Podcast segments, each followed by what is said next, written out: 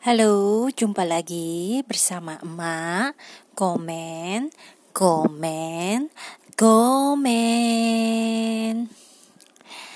Komen kita hari ini adalah Makna selama pandemi. Ya, setelah setahun lebih Kita di dalam masa pandemi ini jadi di sini gue itu itu mau sharing selama pandemi ini apa sih yang yang gue rasain gitu. Mungkin ada sebagian yang mungkin sama gitu ya sama pengalaman kalian gitu selama pandemi ini apa gitu. Jadi di sini gue mau sharing aja mengenai pengalaman gue. Kalau misalkan nanti ada yang bisa diambil sisi positifnya itu baik. Tapi kalau enggak ya juga nggak apa-apa gitu. Nah di sini itu uh, pada saat uh, pandemi terjadi itu di situ gue menyadari gitu ya. Jadi uh, ini adalah kesimpulan yang gue dapat selama yang gue dapat dan yang gue rasain selama pandemi. Yaitu gue merasa bahwa gue tuh selama ini terlalu banyak hidup di masa depan dan masa lalu. Lebih banyak di masa depannya. Gitu. Jadi tuh gue tuh nggak hidup di masa kini gitu loh. Nggak being present gitu. Kenapa gue bisa bilang begitu? Karena pada saat uh, pandemi terjadi itu gue merasakan hampa gitu loh. Jadi tujuan gue hidup apa ya? Gitu. Karena selama pandemi ini kan gue merasa itu semua impian-impian gue semua kehidupan dan rencana-rencana gue untuk masa depan itu tiba-tiba langsung dikat, langsung dipotong selesai gitu. Gue nggak bisa berpikir sampai terlalu jauh mau rencana plan A plan B mau pergi ke mana wisata tahunan ke mana. Mau uh, mungkin mau membeli apa mau investasi apa gitu. Punya rencana apa lagi ke depannya. Itu tuh nggak bisa karena pandemi gini semua pun gak jelas gitu. Bisa jadi lu besok kena gitu ya kena dan amit-amit meninggal gitu. Sebenarnya sih kalau mau ditarik kesimpulan kan hidup dan mati orang kan yang nggak usah pandemi juga kalau dia ditakdirkan besoknya hidupnya selesai ya selesai gitu. Tapi kan dengan adanya pandemi ini kan kayaknya kemungkinan kemungkinan terjadinya itu jadi lebih besar persentasinya dibandingkan sebelum adanya pandemi gitu. Jadi itu gue merasa gue itu uh, seperti impian-impian gue tuh diminta untuk dihentikan gitu. Stop, jangan ber, bermimpi lagi, berandai-andai lagi masa depan mau ini, mau ini, mau ini atau bulan depan mau pergi ke sini, mau bulan depan mau beli A, mau beli B, mau beli barang C gitu itu tuh langsung dihentikan gitu yang kedua itu adalah gue menyadari bahwa selama ini gue itu selalu lari dari perasaan bosan, takut, sepi, dan marah. Contoh, misalkan gitu ya, gue ini lagi marahan mungkin lah namanya ah, sama teman kerja gitu kan ya pastilah ya ada. Gitu kita selek-selek gitu gitu kan. Nah lagi ada marahan kan biasanya kita menghindari. Menghindari orang tersebut bukan mencoba untuk menyelesaikannya gitu. Udah deh nggak usah lihat mukanya begitu lihat dia ada di situ jangan jangan ada di ruangan yang itu deh. Kalau bisa jangan sampai satu ruangan gitu. Nah itu gue menghindari itu. Terus yang kedua adalah gue menghindari rasa bosan jadi selama ini ketika gue bosan atau kesepian, itu tuh gue hindarinya itu ya seperti biasa ya ada banyak yaitu dengan mungkin jalan-jalan ke mall, makan, nonton gitu. dialihkan lah gitu.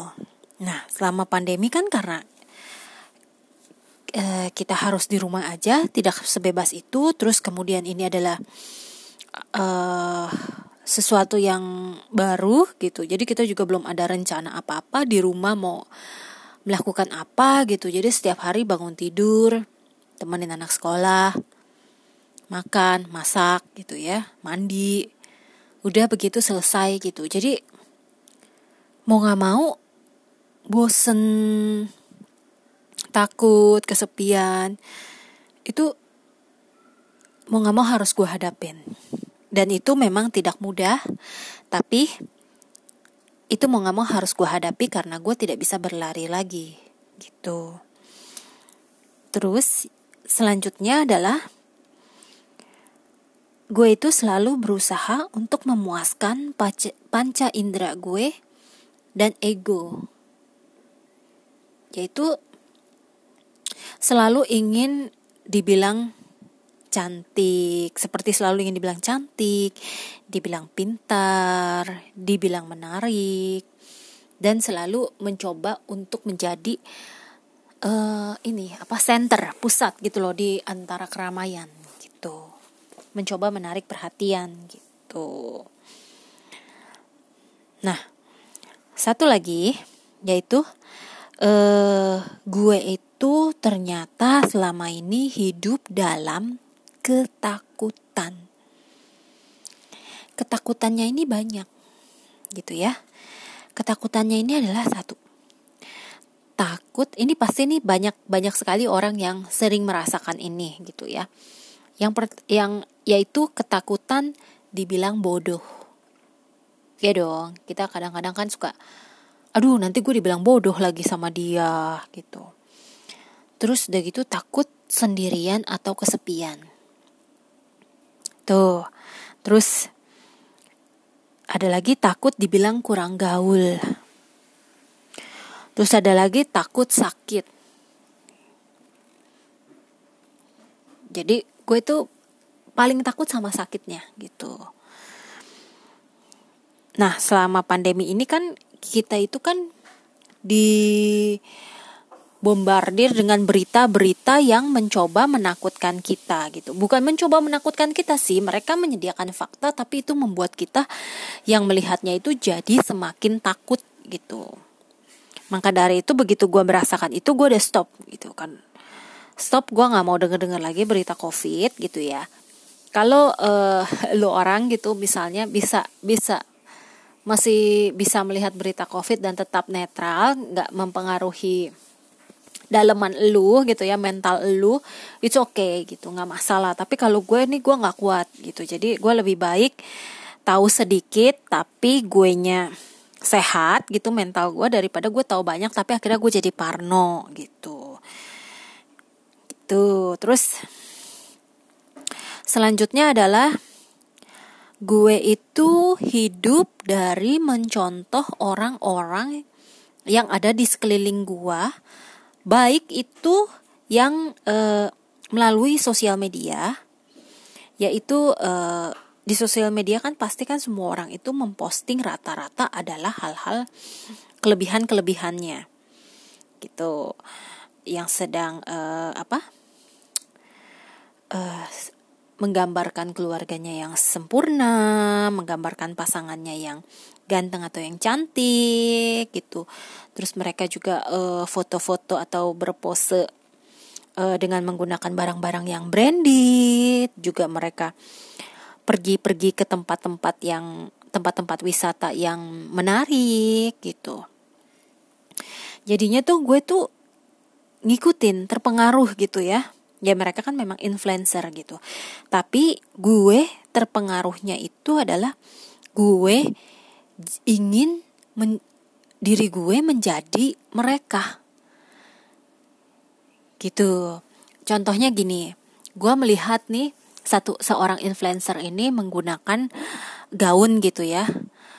Bagus dipakai sama dia gitu kan cantik warnanya uh, manis gitu kan ya Nah, gue tuh mengandaikan bahwa gue adalah dia gitu.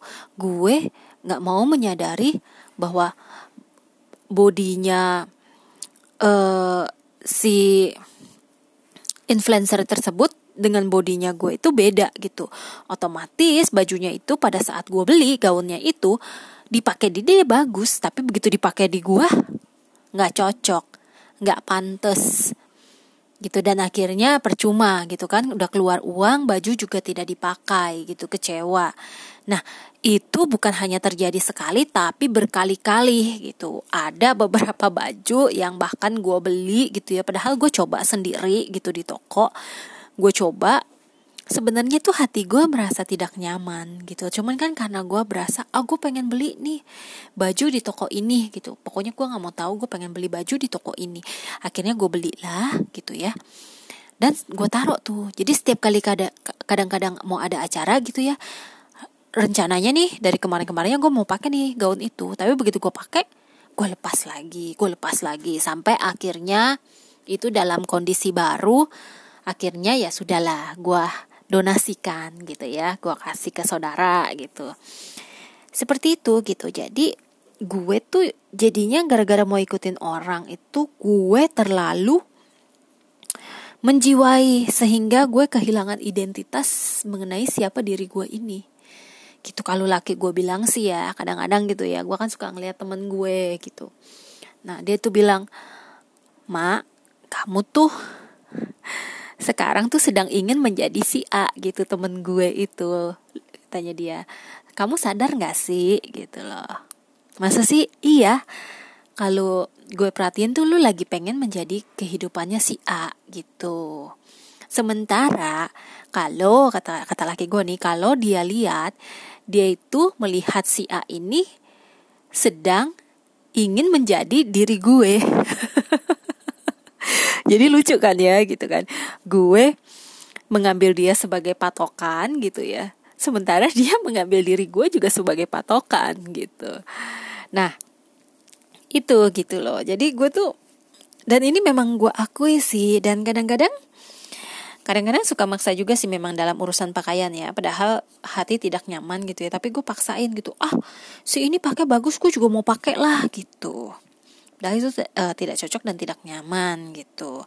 Nah jadi sehingga tuh uh, karena gue selalu mencari kenyamanan dan mencari apa pun uh, ketika gue merasa bosan gue selalu mencari keluar gitu. Mencari hiburan di luar entah itu dengan makan makanan enak entah itu dengan shopping entah itu dengan jalan-jalan gitu ya. Mencoba mencari di luar sehingga di jati diri gue ini makin tenggelam gitu. Dan itu yang gue rasain ketika pandemi ini gitu ya kita kan nggak bisa tuh keluar. Mau ngapain gitu. Terus juga mau belanja belanja online beli baju buat apa? Orang nggak ke mana-mana di rumah aja nggak kerja nggak nggak pergi kerja gitu kan. Kita di rumah aja gitu. Buat apa? Pakai pakai pakai apa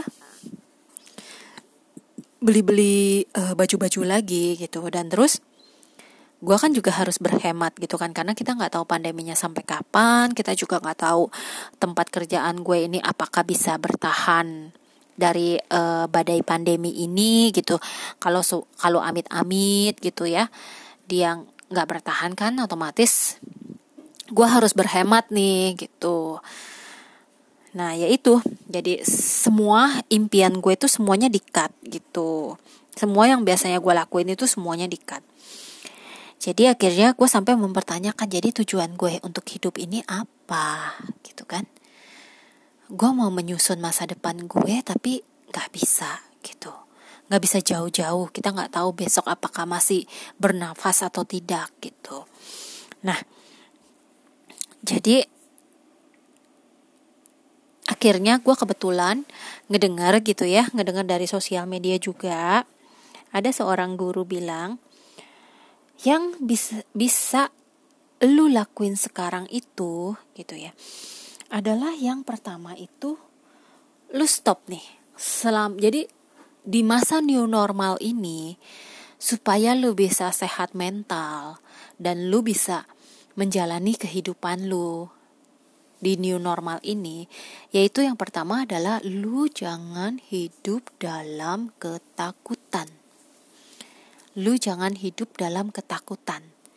jadi lu pengen melakukan sesuatu nih aduh gue takut nih nanti uh, gue dibilang sombong terus lu pengen melakukan suatu tindakan lu mau menolong orang lu takut nih aduh nanti gue dibilang cari muka gitu. Terus nanti lu mau melakukan uh, apa lagi gitu. Jadi lu tuh melakukan segala sesuatunya itu karena based on uh, dengan rasa ketakutan itu gitu.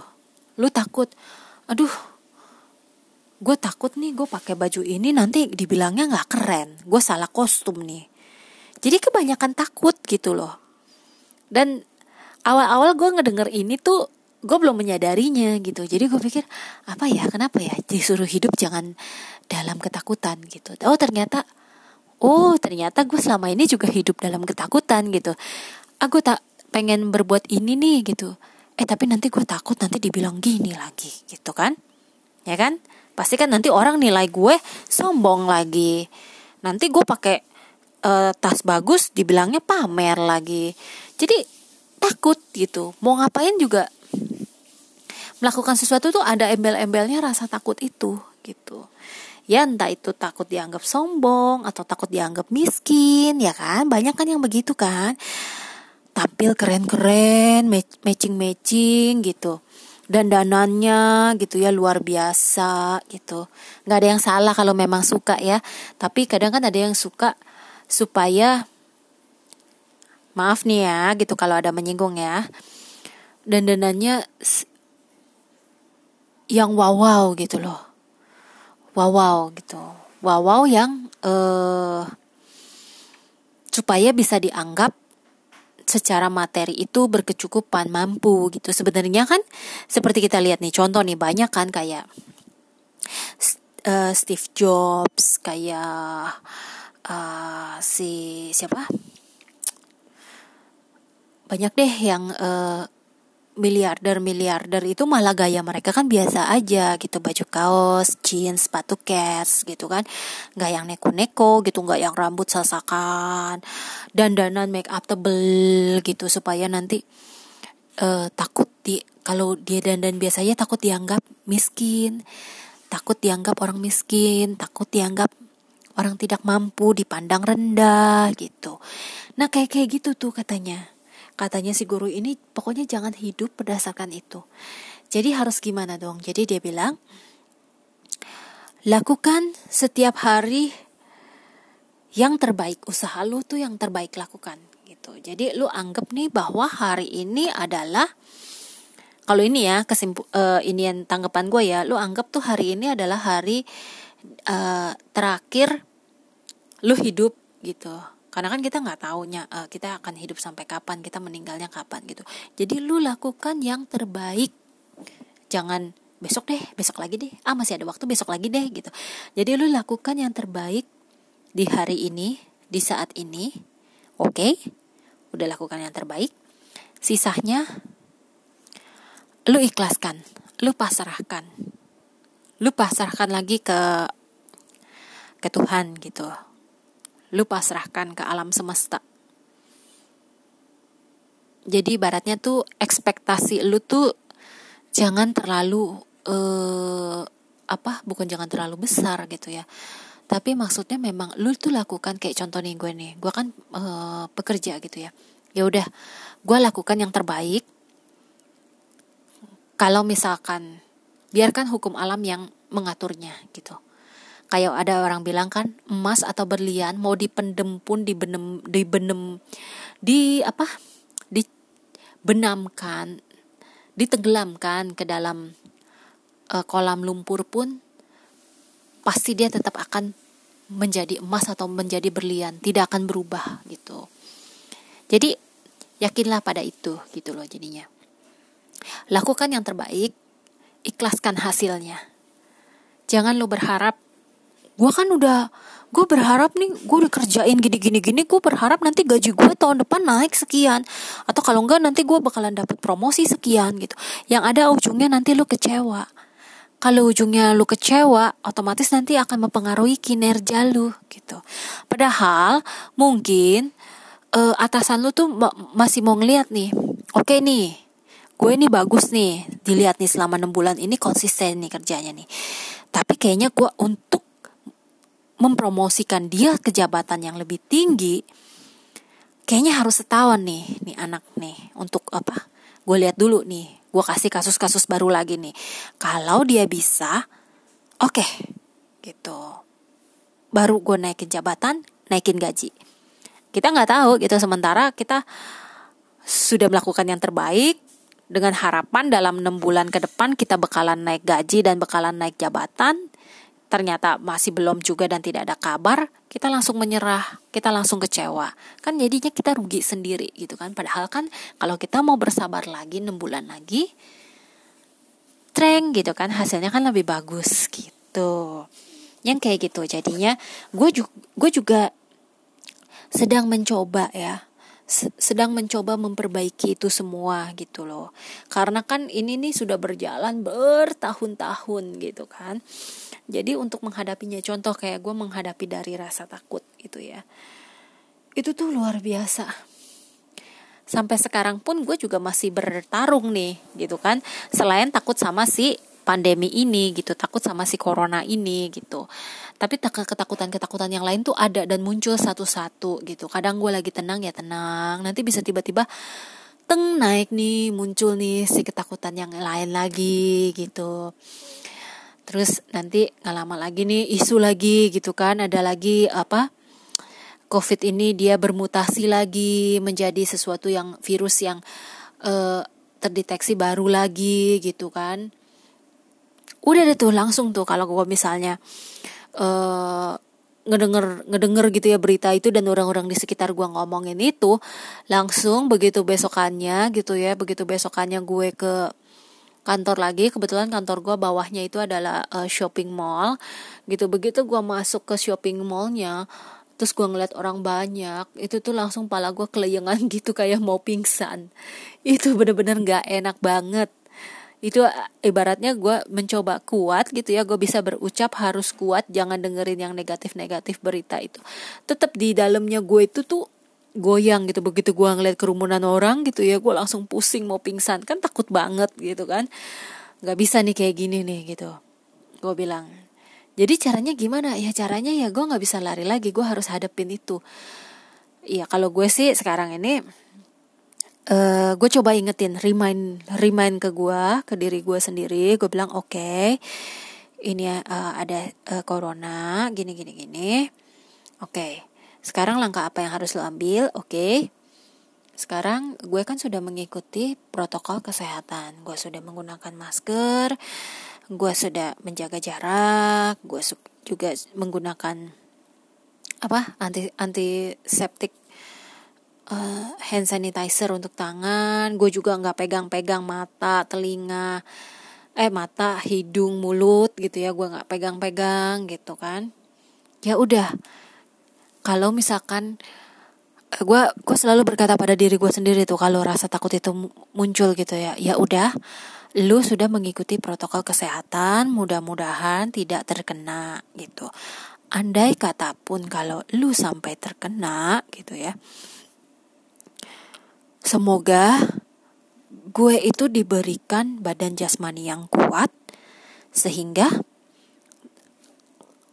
gue cepat pulihnya gitu. Jadi sehingga walaupun kena gitu ya, gue tuh seperti OTG, orang tanpa gejala gitu. Meskipun gue terkena positif tapi gue tanpa gejala gitu. Itu gue uh, gue selalu remind itu gitu loh.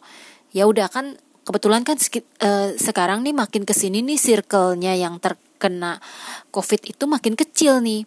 Teman kerja gue anaknya kena teman kerja gue di kantor uh, apa suaminya kena sama anaknya. Terus ada lagi uh, yang di kantor juga dia uh, istrinya sama anaknya juga kena dan dia juga kena gitu. Udah mulai makin ke sini makin deket tuh gitu kan. Nah itu tuh waktu itu tuh gelombang kedua gue tuh luar biasa sekali sampai masuk ke mall masuk ke mall aja langsung pala gue pusing mau pingsan sampai gue nggak berani belanja ke mall selama beberapa waktu. Karena gitu gue begitu nginjekin kaki di sana terus apalagi gue ngeliat orang rame langsung gue uh, seperti mau pingsan gitu. Itu gue apa ya entah ya gue nggak bisa ngukur apakah itu paranoid atau gimana. Tapi ya itu gitu. Dan gue sekarang pun masih dalam proses untuk uh, menghadapi setiap rasa takut gue yang muncul gitu. Entah it, rasa takut itu banyak ya gitu kan. Lu takut uh, kehilangan lu takut menderita sakit gitu kan kayak kayak kemarin itu aduh perut gue nggak enak nih aduh gue sakit apa nih aduh jangan sakit dong. Gini kan repot kalau sakit mau ke dokternya gitu kan perjuangannya berat gitu. Terus ya ya kayak gitulah. Kayak seperti itu. Jadi sekali lagi itu uh, yang mau gue sharing selama pandemi itu yaitu pertama itu gue selalu coba hidup di masa depan gitu. Dan jadi langkah ini langkah untuk mengatasinya itu gue untuk mencoba ya udah sekarang hidup di saat ini aja pikirin yang deket-deket aja jangan pikirin yang terlalu jauh. Kalau dulu kan bahkan gue udah sampai mikir nih anak gue nanti nih kuliahnya nih bidang apa? Gitu. Wow berandai-andainya jauh sementara anak gue aja baru kelas 1 SD gitu kan jadi jangan jauh-jauh deh buang-buang energi itu namanya gitu kan. Buang-buang energi, buang-buang waktu untuk mikirin sampai ke sana gitu.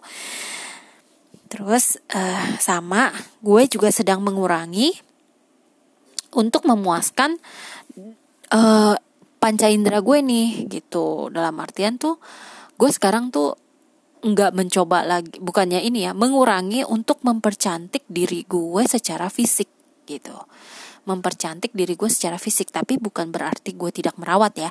Merawat fisik kita itu penting. Merawat kesehatan dengan berolahraga. Nah itu itu juga mulai gue komitmen setiap hari berolahraga gitu ya. Uh, mencintai fisik dengan cara menjaga kesehatannya makan yang benar berolahraga istirahat yang cukup itu baik gitu. Tapi dalam artian di sini adalah gue tuh enggak berusaha untuk memper uh, cantik fisik gua, mempercantik luarnya gitu loh, mempercantik supaya apa? Supaya orang bilang gue tuh cantik, supaya orang bilang gue itu uh, jadi ada alasannya nih. Kayak gini dulu kan gue kan sejak punya anak kan gue jadi naik tuh timbangan ya biasa ya gitu ya. Nah tuh gue tuh pengen tuh kadang-kadang aku pengen kurus ah kenapa pengen kurusnya supaya nanti uh, teman-teman gue pada bilang ih gitu kan. Kurus lo dia lo gitu. Nah dari dulu tuh gue begitu gitu. Lebih haus akan pujian itu daripada motivasi bahwa oke okay, gue itu mau nurunin berat badan demi kesehatan gue gitu. Nah sekarang gue mencoba ke sana gitu. Gue nggak melakukan suatu hal bukan buat yang pertama bukan untuk nyenengin orang lain tetapi adalah untuk menyenangkan diri gue dulu sendiri nih gitu. Nyenengin dulu nih diri gue sendiri gitu. Jadi gue tidak mempercantik itu dan gue ingin mempercantik uh, diri gue dari dalam. Mempercantik uh, mental gue mungkin ya gitu. Pokoknya mempercantik inner beauty gue gitu loh. Entah gue uh, jadi lebih penyabar uh, lebih simpati sama orang gitu. Yang kayak kayak gitu. Kalau kayak kayak gitu kan harus memangnya harus dari hati ya gitu. Nggak bisa nih ah gue pengen pura-pura baik nih gitu. Sama orang sama si A gitu. Kan kalau pura-pura rasanya nggak enak ya gitu. Besokannya lu ketemu lagi sama si A bagaimana? Kok berubah lagi gitu kan kalau lu uh, baik sama orang yang lu cuman ketemu sekali sih gampang gitu kan ya. Hai gini gini gak yuk makan yuk ini yuk ini yuk. Oke gue bayarin gini gini. Gini selesai lu nggak ketemu lagi. Nah ini kan lu kan terus terusan ketemu. Jadi baik yang konsisten gitu loh. Kebaikan yang konsisten. Nah itu tuh yang pengen gue uh, sekarang pengen gue percantik itu loh. Dalamnya gue lah gue ingin mempercantik dalamnya gue sambil terus merawat tubuh jasmani ini gitu. Karena kan dalam menghadapi pandemi ini kan kita dibutuhkan fisik e, jasmani yang kuat gitu. E, selain mental juga yang sehat gitu. Jadi ingin gue itu ingin e, memiliki mental yang sehat badan yang sehat gitu ya. Dan uh, apa lagi ya? Mental sehat badan sehat pokoknya semuanya berjalan dengan seimbang gitu oke jadi sekian dulu itulah uh, pengalaman yang gue alami selama satu setengah tahun pandemi ini gitu kalau misalkan ada yang bisa bermanfaat silakan tapi apabila merasa tidak ada manfaatnya ya sudah dilewatkan saja. Oke. Terima kasih, sampai jumpa di episode berikutnya. Bye.